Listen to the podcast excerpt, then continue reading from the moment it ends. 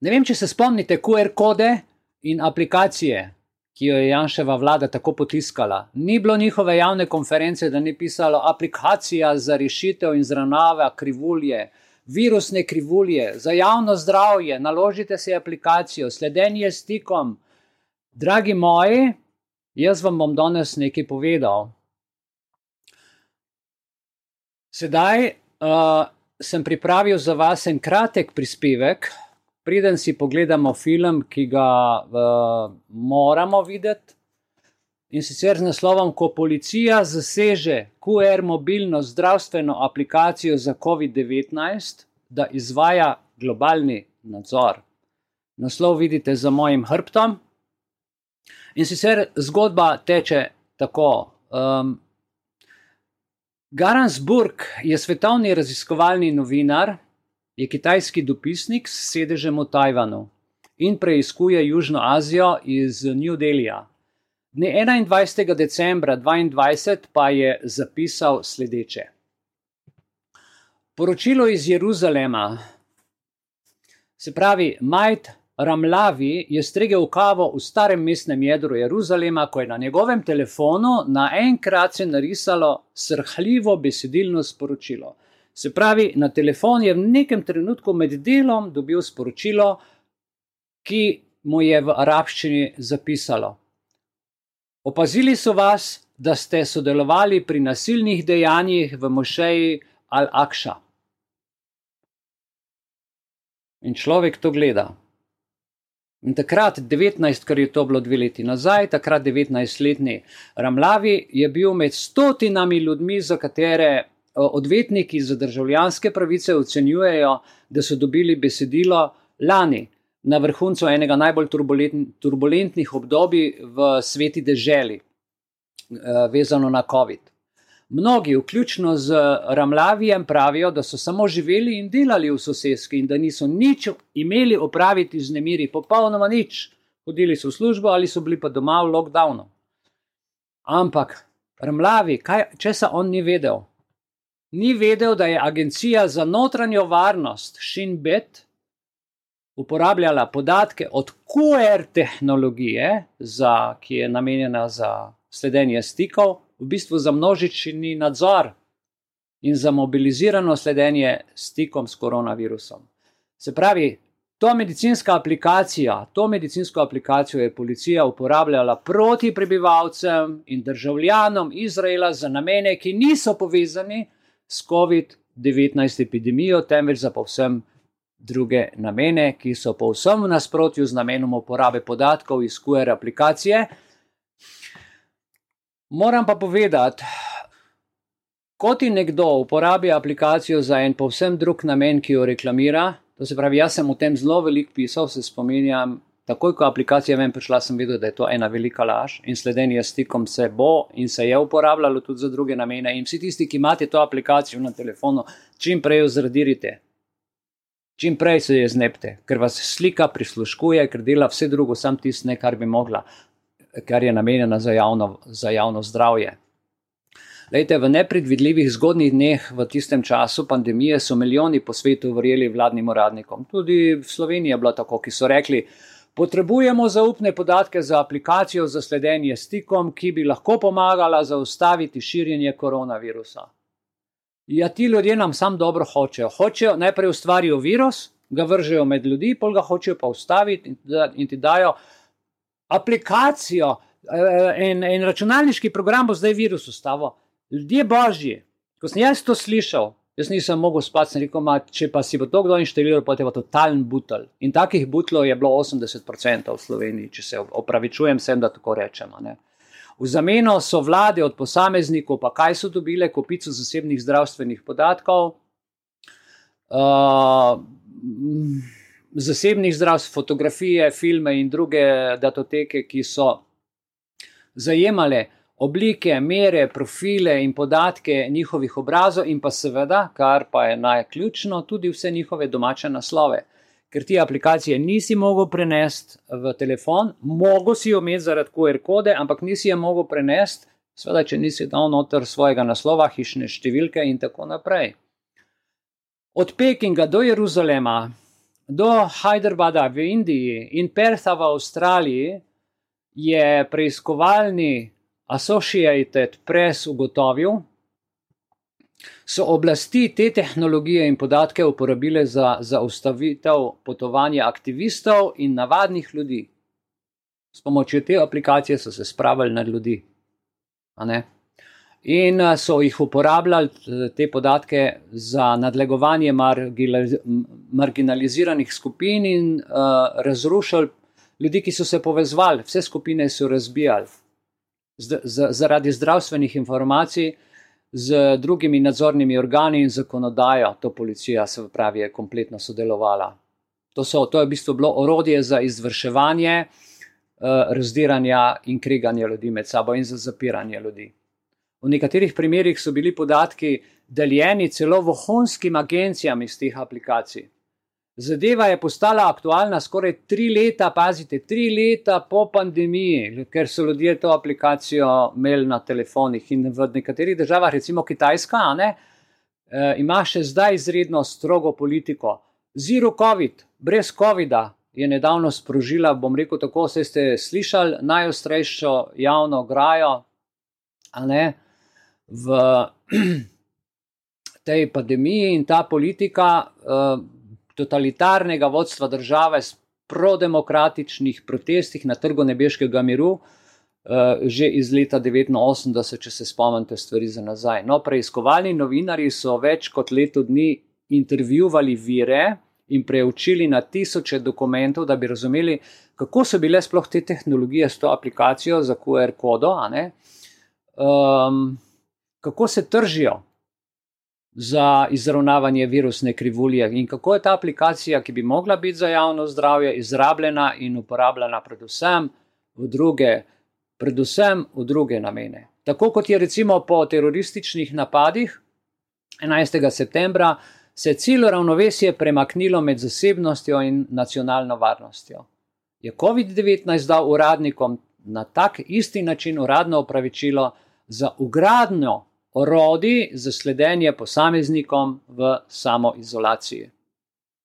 Vsaka intervencija, ki daje dovoljenje in moč državi, dragi moji, za spremljanje posameznikov, ima ustržkov dolgi nos, ima eno dolgo laž in je sistem represije in odvzema demokracije ter človekovih pravic.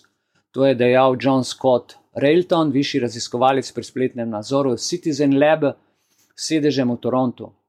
Ko ta dolgi nos enkrat dobite, je malo verjetno, da bo kdaj izginil.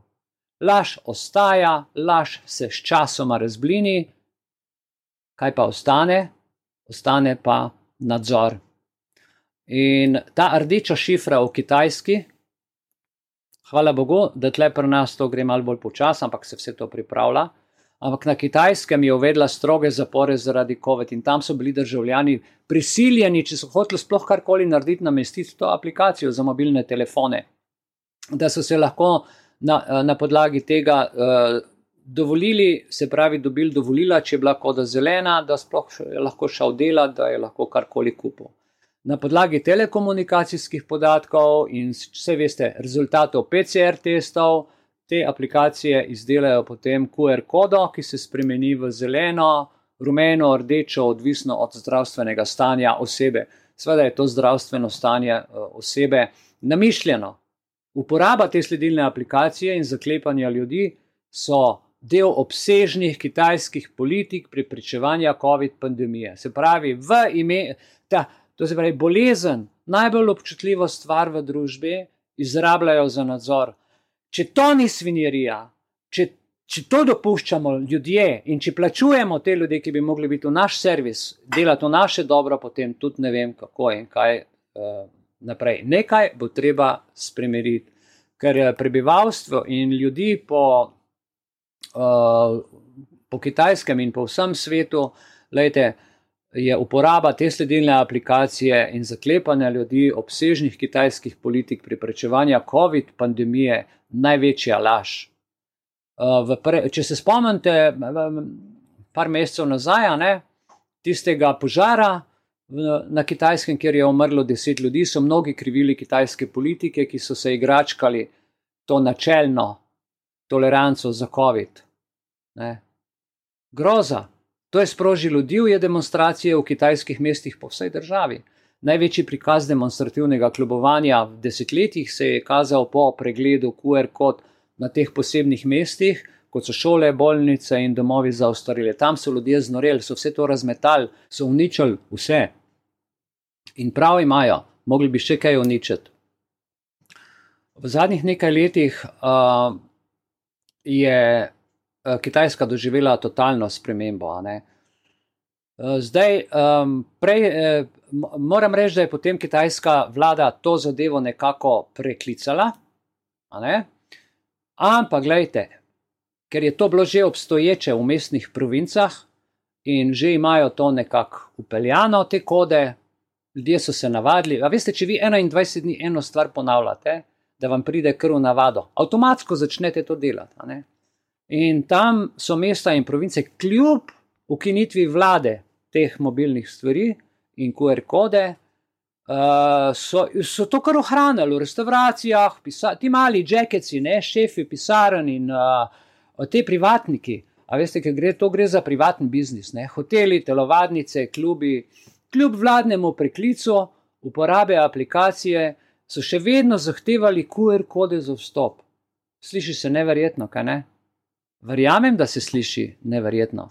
V zadnjih nekaj letih uh, se je to na kitajskem spremenilo in se spremenja, in upam, da. Mm, tako da, ki kaže, da si bil z nekom v telesnem stiku, kjer kaže, kdo je s kom prijatelj za razbijanje moči ljudi, da se bo tudi v Sloveniji in tudi v Evropi in širše po svetu, da bodo ljudje prišli do teh informacij in do vsega tega in da se ta zadeva enkrat zaključi. Namreč sedaj po teh raziskavah ne, obstajajo dokazi, da so bile te QR kode in sledenje stikov tako močno izrabljeni in ta državni zdravstveni kodeks, izrabljen in uporabljen ne za izboljšanje javnega zdravja, temveč za zadušitev nemirov, za rušenje skupin, za krčenje kontaktov, za medsebojno kreganje. In gledajte, očitno je povsod po svetu enako.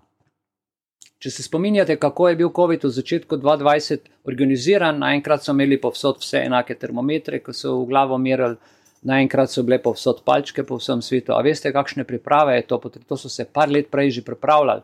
Tako da mene ne bo nihče pripričal, da to ne gre za pandemijo oziroma za umetno ustvarjanje panike, za umetno ustvarjanje najprej epidemije, potem pandemije, ki se potem uh, za protiotež ponudi kot rešitev, zdaj bomo pa dali aplikacijo in za nadzor ljudem.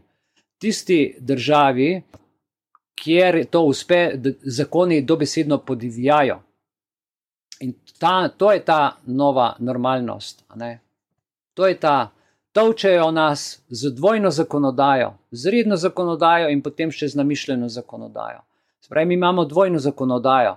Zakonodajo, ki nas toče, ki, eh, po kateri se moramo vse držati, in potem še zakonodaja, ko prideš pred, eh, pred špar, ko prideš na pošto, ko prideš na urad, Uh, in ti rečejo stvari, ki sploh niso zakonite. Se pravi, imamo um, zakone, ki jih um, korporacije vsiljujejo državam zaradi dolgov, in pa državno, tako da imamo državljani, moramo podvojne zakone izpolnjevati. Pa kam smo prišli, ljudje božji?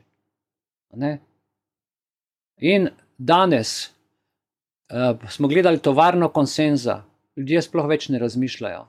Zdaj bomo si pa pogledali tako imenovano uh, po medijskem konsenzu še prepoznavanje obraza. Prepoznavanje obraza, kam pelje, kaj to pomeni, kakšne so te stvari in kakšne, eh, kakšne so te um, prednosti in slabosti, nam bo povedal človek, ki, kot sem rekel, je 28 let uh, delal v Silicijevi dolini in to kamero tudi izumil.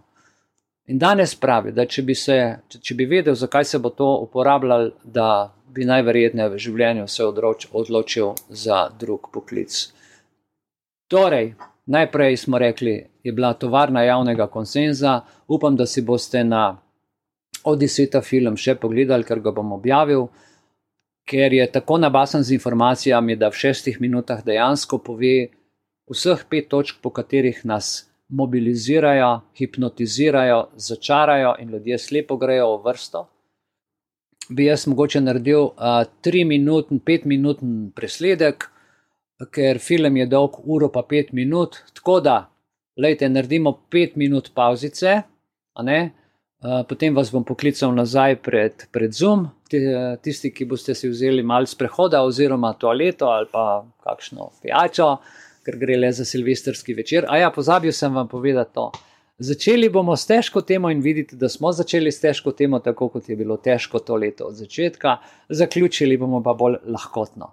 Tako da zdaj pride v bistvu tisti najtežji del, ta film, ki želim, da ga vsi vidite. Če poznate koga, ki veste, da bi mu prišla prava informacija o mobilnih telefonih, ker to res vsi uporabljamo, povabite ga, pokličite ga, da si bomo to skupaj pogledali, ker je res izjemen, izjemen uh, pogovor, informacija in intervju.